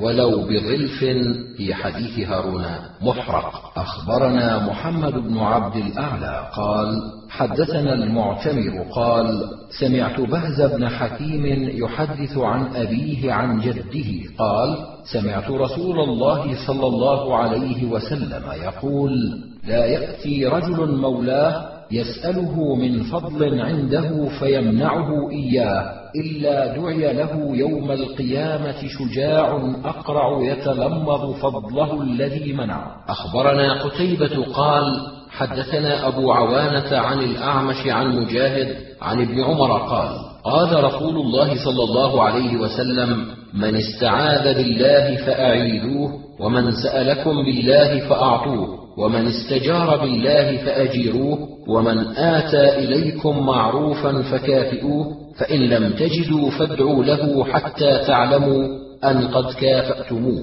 أخبرنا محمد بن عبد الأعلى قال حدثنا المعتمر قال سمعت بهز بن حكيم يحدث عن أبيه عن جده. قال قلت يا نبي الله ما أتيتك حتى حلفت أكثر من عددهن لأصابع يدي الا آتيك ولا آتي دينك وإني كنت امرأ لا أعقل شيئا إلا ما علمني الله ورسوله وإني أسألك بوجه الله عز وجل بما بعثك ربك إلينا؟ قال بالإسلام. قال قلت وما آيات الإسلام؟ قال أن تقول أسلمت وجهي إلى الله عز وجل وتخليت وتقيم الصلاة وتؤتي الزكاة كل مسلم على مسلم محرم أخوان نصيران. لا يقبل الله عز وجل من مشرك بعدما أسلم عملا أو يفارق المشركين إلى المسلمين. أخبرنا محمد بن رافع قال حدثنا ابن أبي فديك قال أنبأنا ابن أبي ذئب عن سعيد بن خالد القارضي عن إسماعيل بن عبد الرحمن عن عطاء بن يسار عن ابن عباس أن رسول الله صلى الله عليه وسلم قال ألا أخبركم بخير الناس منزلا؟ قلنا بلى يا رسول الله. قال رجل آخذ برأس فرسه في سبيل الله عز وجل حتى يموت أو يقتل وأخبركم بالذي يليه. قلنا نعم يا رسول الله. قال رجل معتزل في شعب يقيم الصلاة ويؤتي الزكاة ويعتزل شرور الناس وأخبركم بشر الناس؟ قلنا نعم يا رسول الله. قال الذي يسأل بالله عز وجل ولا يعطي به. أخبرنا محمد بن المثنى قال حدثنا محمد قال حدثنا شعبة عن منصور قال سمعت ربعيا يحدث عن زيد بن ظبيان رفعه إلى أبي ذر عن النبي صلى الله عليه وسلم قال ثلاثة يحبهم الله عز وجل وثلاثة يبغضهم الله عز وجل. أما الذين يحبهم الله عز وجل فرجل أتى قوما فسألهم بالله عز وجل ولم يسألهم بقرابة بينه وبينهم فمنعوه. فتخلفه رجل بأعقابهم فأعطاه سرا لا يعلم بعطيته إلا الله عز وجل والذي أعطاه. وقوم ساروا ليلتهم حتى إذا كان النوم أحب إليهم مما يعدل به نزلوا فوضعوا رؤوسهم فقام يتملقني ويتلو آياتي ورجل كان في سرية فلقوا العدو فهزموا فأقبل بصدره حتى يقتل أو يفتح الله له. والثلاثة الذين يبغضهم الله عز وجل الشيخ الزاني والفقير المختال والغني الظلوم. أخبرنا علي بن حجر قال أنبأنا إسماعيل قال حدثنا شريك عن عطاء بن يسار عن أبي هريرة أن رسول الله صلى الله عليه وسلم قال ليس المسكين الذي ترده التمرة والتمرتان واللقمة واللقمتان. إن المسكين المتعفف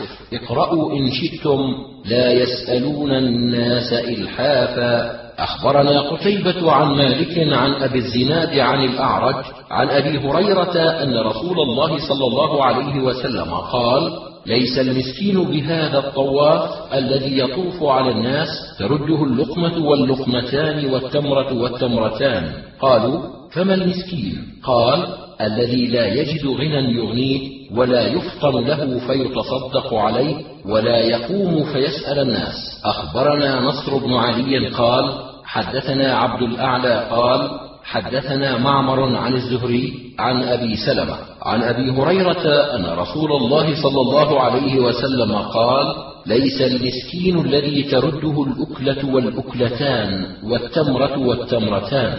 قالوا فما المسكين يا رسول الله؟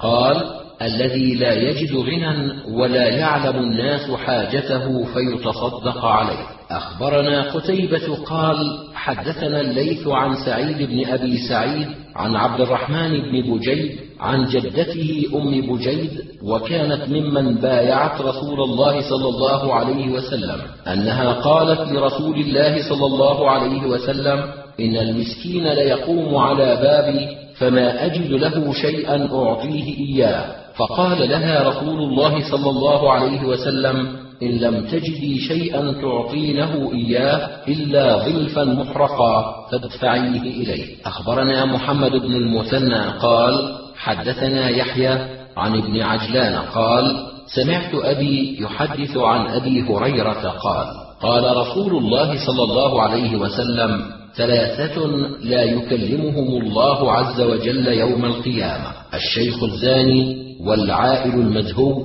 والإمام الكذاب. أخبرنا أبو داود قال حدثنا عارم قال حدثنا حماد قال حدثنا عبيد الله بن عمر عن سعيد المقبري عن أبي هريرة أن رسول الله صلى الله عليه وسلم قال أربعة يبغضهم الله عز وجل البياع الحلاف والفقير المختال والشيخ الزاني والإمام الجائر أخبرنا عمرو بن منصور قال حدثنا عبد الله بن مسلمة قال حدثنا مالك عن ثور بن زيد الديلي عن أبي الغيث عن أبي هريرة قال قال رسول الله صلى الله عليه وسلم الساعي على الأرملة والمسكين كالمجاهد في سبيل الله عز وجل.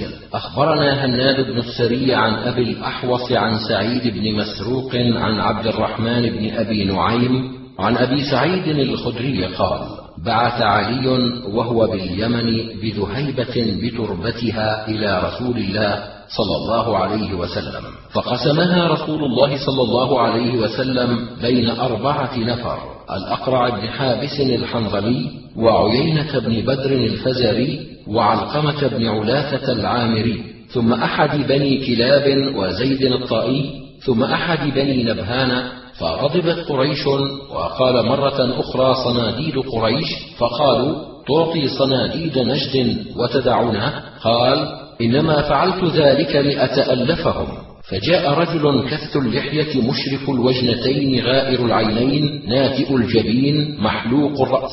فقال اتق الله يا محمد. قال فمن يطع الله عز وجل إن عصيته أيأمنني على أهل الأرض ولا تأمنونني ثم أدبر الرجل فاستأذن رجل من القوم في قتله يرون أنه خالد بن الوليد. فقال رسول الله صلى الله عليه وسلم إن من ضئضئ هذا قوما يقرؤون القرآن لا يجاوز حناجرهم يقتلون أهل الإسلام ويدعون أهل الأوثان يمرقون من الإسلام كما يمرق السهم من الرمية. لئن أدركتهم لأقتلنهم قتل عاد. أخبرنا يحيى بن حبيب بن عربي عن حماد عن هارون بن رئاب قال حدثني كنانة بن نعيم وأخبرنا علي بن حجر واللفظ له قال حدثنا إسماعيل عن أيوب عن هارون عن كنانة بن نعيم عن قبيصة بن مخارق قال تحملت حمالة فأتيت النبي صلى الله عليه وسلم فسألته فيها فقال إن المسألة لا تحل إلا لثلاثة رجل تحمل بحمالة بين قوم فسأل فيها حتى يؤديها ثم يمسك. أخبرنا محمد بن النضر بن مساور قال حدثنا حماد عن هارون بن رئاب قال حدثني كنانة بن نعيم عن قبيصة بن مخارق قال تحملت حمالة فأتيت رسول الله صلى الله عليه وسلم أسأله فيها فقال أقم يا قبيصة حتى تأتينا الصدقة فنأمر لك. قال ثم قال رسول الله صلى الله عليه وسلم يا قبيصة إن الصدقة لا تحل إلا لأحد ثلاثة رجل تحمل حمالة فحلت له المسألة حتى يصيب قواما من عيش أو سدادا من عيش ورجل أصابته جائحة فاجتاحت ماله فحلت له المسألة حتى يصيبها ثم يمسك. ورجل أصابته فاقة حتى يشهد ثلاثة من ذوي الحجى من قومه قد أصابت فلانا فاقة فحلت له المسألة حتى يصيب قواما من عيش أو سدادا من عيش فما سوى هذا من المسألة يا قبيصة؟ سحت يأكلها صاحبها سحتا أخبرني زياد بن أيوب قال حدثنا إسماعيل بن علية قال أخبرني هشام قال حدثني يحيى بن أبي كثير قال حدثني هلال عن عطاء بن يسار عن أبي سعيد الخدري قال جلس رسول الله صلى الله عليه وسلم على المنبر وجلسنا حوله فقال إنما أخاف عليكم من بعدي ما يفتح لكم من زهرة وذكر الدنيا وزينتها. فقال رجل أو ياتي الخير بالشر؟ فسكت عنه رسول الله صلى الله عليه وسلم. فقيل له ما شأنك؟ تكلم رسول الله صلى الله عليه وسلم ولا يكلمك.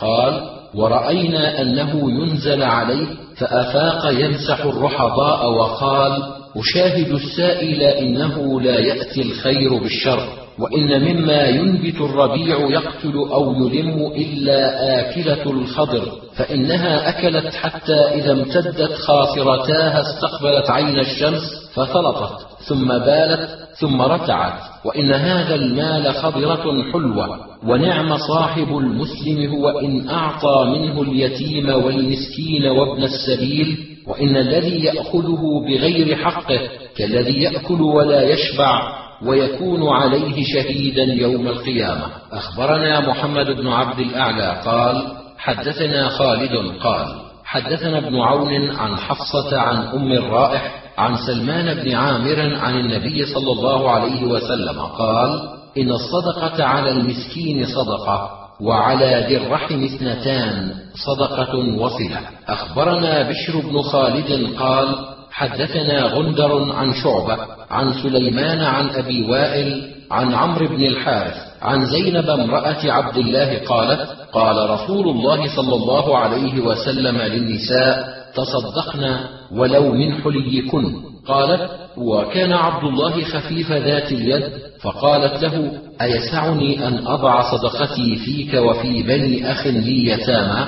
فقال عبد الله سلي عن ذلك رسول الله. صلى الله عليه وسلم. قالت فأتيت النبي صلى الله عليه وسلم فإذا على بابه امرأة من الأنصار يقال لها زينب تسأل عما أسأل عنه.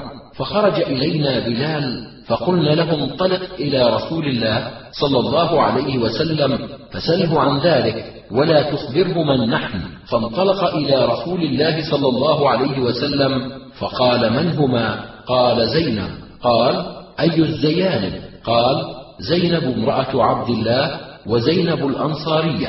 قال نعم لهما أجران أجر القرابة وأجر الصدقة. أخبرنا أبو داود قال حدثنا يعقوب بن إبراهيم قال حدثنا أبي عن صالح عن ابن شهاب أن أبا عبيد مولى عبد الرحمن بن أزهر أخبره أنه سمع أبا هريرة يقول قال رسول الله صلى الله عليه وسلم لأن يحتزم أحدكم حزمة حطب على ظهره فيبيعها خير من أن يسأل رجلا فيعطيه أو يمنعه.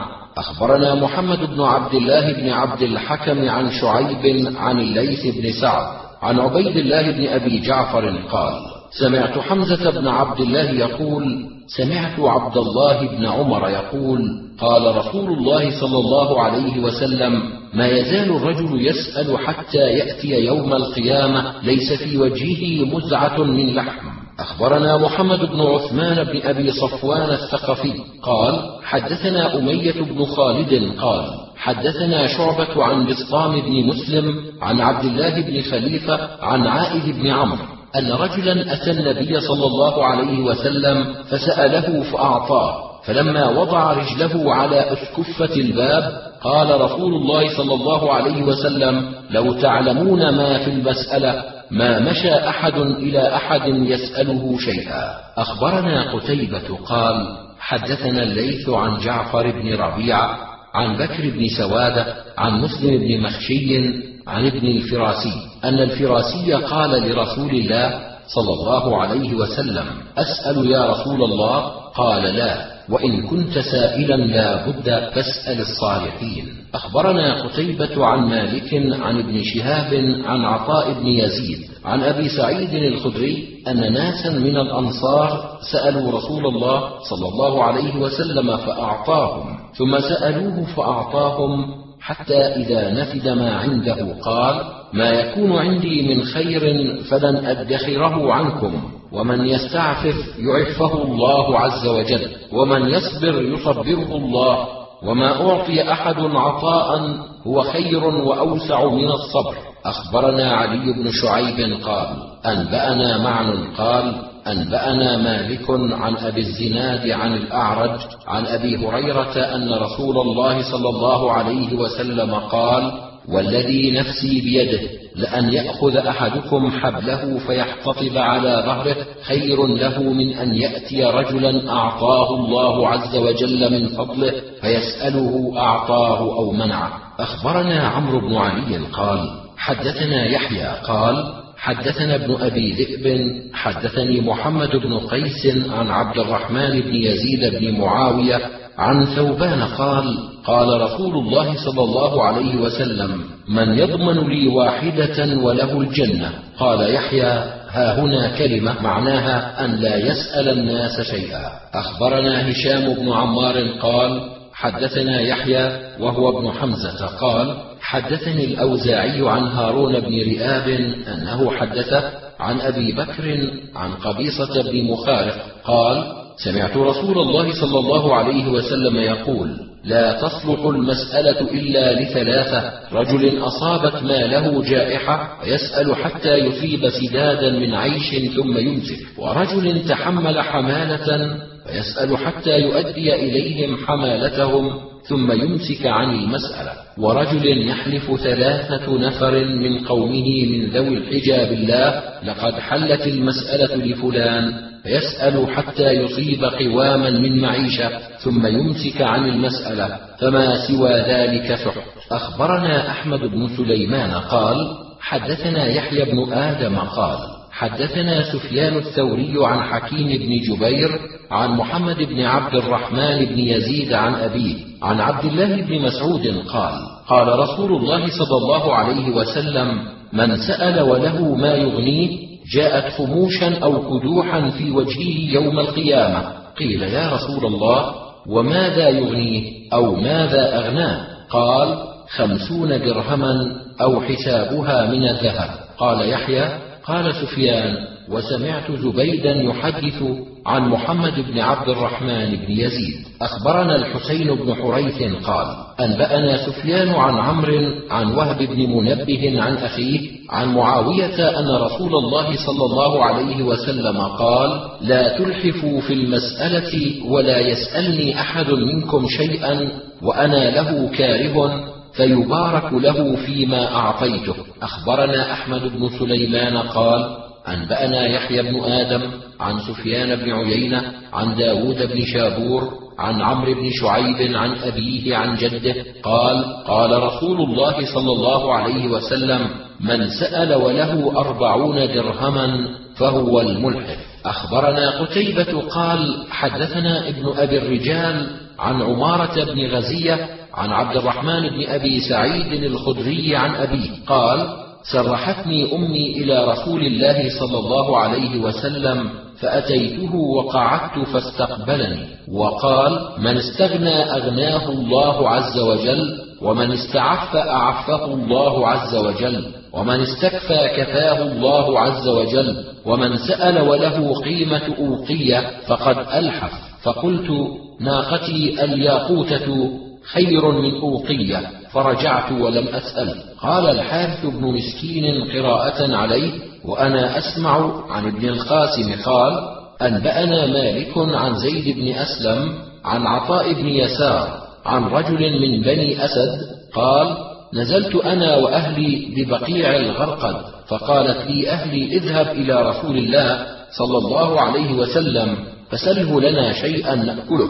فذهبت إلى رسول الله صلى الله عليه وسلم فوجدت عنده رجلا يسأله ورسول الله صلى الله عليه وسلم يقول لا أجد ما أعطيك. فولى الرجل عنه وهو مغضب وهو يقول لعمري إنك لتعطي من شئت. قال رسول الله صلى الله عليه وسلم إنه ليغضب علي أن لا أجد ما أعطيه من سأل منكم وله أوقية أو عدها فقد سأل إلحافا. قال الأسدي فقلت للقحة لنا خير من أوقية والأوقية أربعون درهما. فرجعت ولم أسأل. فقدم على رسول الله صلى الله عليه وسلم بعد ذلك شعير وزبيب فقسم لنا منه حتى أغنانا الله عز وجل. أخبرنا هناد بن السري عن أبي بكر عن أبي حصين عن سالم. عن أبي هريرة قال قال رسول الله صلى الله عليه وسلم لا تحل الصدقة لغني ولا لذي مرة سوي. أخبرنا عمرو بن علي ومحمد بن المثنى. قالا حدثنا يحيى عن هشام بن عروة قال حدثني أبي قال حدثني عبيد الله بن عدي بن الخيار أن رجلين حدثاه أنهما أتيا رسول الله صلى الله عليه وسلم يسألانه من الصدقة فقلب فيهما البصر وقال محمد بصره فرآهما جلدين فقال رسول الله صلى الله عليه وسلم إن شئتما ولا حظ فيها لغني ولا لقوي مكتسب. أخبرنا أحمد بن سليمان قال حدثنا محمد بن بشر قال أنبأنا شعبة عن عبد الملك عن زيد بن عقبة عن سمرة بن جندب قال قال رسول الله صلى الله عليه وسلم إن المسائل كدوح يكدح بها الرجل وجهه فمن شاء كدح وجهه ومن شاء ترك إلا أن يسأل الرجل ذا سلطان أو شيئا لا يجد منه بدا أخبرنا محمود بن غيلان قال حدثنا وكيع قال حدثنا سفيان عن عبد الملك عن زيد بن عقبة عن سمرة بن جندب قال قال رسول الله صلى الله عليه وسلم المسألة كد يكد بها الرجل وجهه إلا أن يسأل الرجل سلطانا أو في أمر لا بد منه. أخبرنا عبد الجبار بن العلاء بن عبد الجبار عن سفيان عن الزهري قال أخبرني عروة عن حكيم بن حزام قال سألت رسول الله صلى الله عليه وسلم فأعطاني ثم سألته فأعطاني ثم سألته فأعطاني فقال رسول الله صلى الله عليه وسلم يا حكيم إن هذا المال خضرة حلوة فمن أخذه بطيب نفس بورك له فيه ومن أخذه بإشراف نفس لم يبارك له فيه وكان كالذي يأكل ولا يشبع واليد العليا خير من اليد السفلى. أخبرنا أحمد بن سليمان قال حدثنا مسكين بن بكير قال حدثنا الأوزاعي عن الزهري عن سعيد بن المسيب عن حكيم بن حزام قال سألت رسول الله صلى الله عليه وسلم فأعطاني ثم سألته فأعطاني ثم سألته فأعطاني ثم قال رسول الله صلى الله عليه وسلم يا حكيم إن هذا المال خضرة حلوة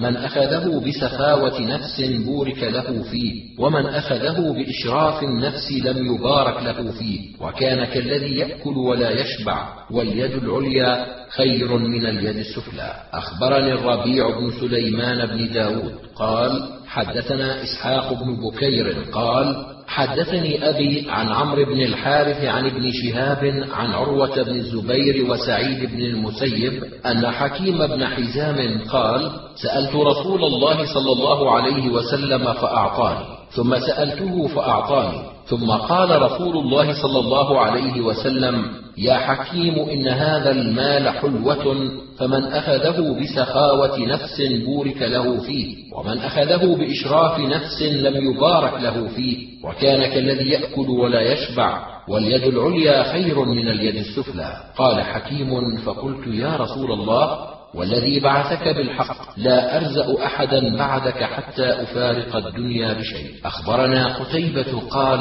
حدثنا الليث عن بكير عن بسر بن سعيد عن ابن الساعدي المالكي قال استعملني عمر بن الخطاب رضي الله عنه على الصدقة فلما فرغت منها فأديتها إليه أمر لي بعمالة فقلت له إنما عملت لله عز وجل وأجري على الله عز وجل. فقال خذ ما أعطيتك فإني قد عملت على عهد رسول الله صلى الله عليه وسلم فقلت له مثل قولك فقال لي رسول الله صلى الله عليه وسلم إذا أعطيت شيئا من غير أن تسأل فكل وتصدق. أخبرنا سعيد بن عبد الرحمن أبو عبيد الله المخزومي قال حدثنا سفيان عن الزهري عن السائب بن يزيد عن حويطب بن عبد العزى قال أخبرني عبد الله بن السعدي أنه قدم على عمر بن الخطاب رضي الله عنه من الشام فقال ألم أخبر أنك تعمل على عمل من أعمال المسلمين؟ فتعطى عليه عمالة فلا تقبلها. قال أجل إن لي أفراسا وأعبدا وأنا بخير وأريد أن يكون عملي صدقة على المسلمين. فقال عمر رضي الله عنه إني أردت الذي أردت وكان النبي صلى الله عليه وسلم يعطيني المال فأقول أعطه من هو أفقر مني. وكان النبي صلى الله عليه وسلم يعطيني المال فأقول أعطه من هو أفقر إليه مني وإنه أعطاني مرة مالا فقلت له أعطه من هو أحوج إليه مني. فقال ما آتاك الله عز وجل من هذا المال من غير مسألة ولا إشراف فخذه فتموله أو تصدق به وما لا فلا تتبعه نفسك. أخبرنا كثير بن عبيد قال حدثنا محمد بن حرب عن الزبيدي عن الزهري عن السائب بن يزيد أن حويطب بن عبد العزى أخبره أن عبد الله بن السعدي أخبره أنه قدم على عمر بن الخطاب في خلافته فقال له عمر ألم أحدث أنك تلي من أعمال الناس أعمالا فإذا أعطيت العمالة رددتها فقلت بلى. فقال عمر رضي الله عنه فما تريد إلى ذلك؟ فقلت لي أفراس وأعبد وأنا بخير وأريد أن يكون عملي صدقة على المسلمين. فقال له عمر فلا تفعل فإني كنت أردت مثل الذي أردت. كان رسول الله صلى الله عليه وسلم يعطيني العطاء فأقول أعطه أفقر إليه مني. فقال رسول الله صلى الله عليه وسلم خذه فتموله أو تصدق به ما جاءك من هذا المال وأنت غير مشرك ولا سائل فخذه وما لا فلا تتبعه نفسك. أخبرنا عمرو بن منصور وإسحاق بن منصور عن الحكم بن نافع قال أنبأنا شعيب عن الزهري. قال أخبرني السائب بن يزيد أن حويطب بن عبد العزى أخبره أن عبد الله بن السعدي أخبره أنه قدم على عمر بن الخطاب في خلافته فقال عمر ألم أخبر أنك تلي من أعمال الناس أعمالا فإذا أعطيت العمالة كرهتها؟ قال فقلت بلى. قال فما تريد إلى ذلك؟ فقلت إن لي أفراسا وأعبدا وأنا بخير وأريد أن يكون عملي صدقة على المسلمين. فقال عمر فلا تفعل فإني كنت أردت الذي أردت. فكان النبي صلى الله عليه وسلم يعطيني العطاء فأقول أعطه أفقر إليه مني حتى أعطاني مرة مالا فقلت أعطه أفقر إليه مني. فقال النبي صلى الله عليه وسلم خذه فتموله وتصدق به فما جاءك من هذا المال وأنت غير مشرف ولا سائل فخذه وما لا فلا تتبعه نفسك. أخبرنا عمرو بن منصور قال حدثنا الحكم بن نافع قال أنبأنا شعيب عن الزهري قال أخبرني سالم بن عبد الله أن عبد الله بن عمر قال سمعت عمر رضي الله عنه يقول كان النبي صلى الله عليه وسلم يعطيني العطاء فأقول أعطه أفقر إليه مني حتى أعطاني مرة مالا فقلت له أعطه أفقر إليه مني فقال خذه فتموله وتصدق به وما جاءك من هذا المال وأنت غير مشرف ولا سائل فخذه وما لا فلا تتبعه نفسك. أخبرنا عمرو بن سواد بن الأسود بن عمرو عن ابن وهب قال حدثنا يونس عن ابن شهاب عن عبد الله بن الحارث بن نوفل الهاشمي أن عبد المطلب بن ربيعة بن الحارث بن عبد المطلب أخبره أن أباه ربيعة بن الحارث قال لعبد المطلب بن ربيعة بن الحارث والفضل بن العباس بن عبد المطلب ائتيا رسول الله صلى الله عليه وسلم فقولا له استعملنا يا رسول الله على الصدقات.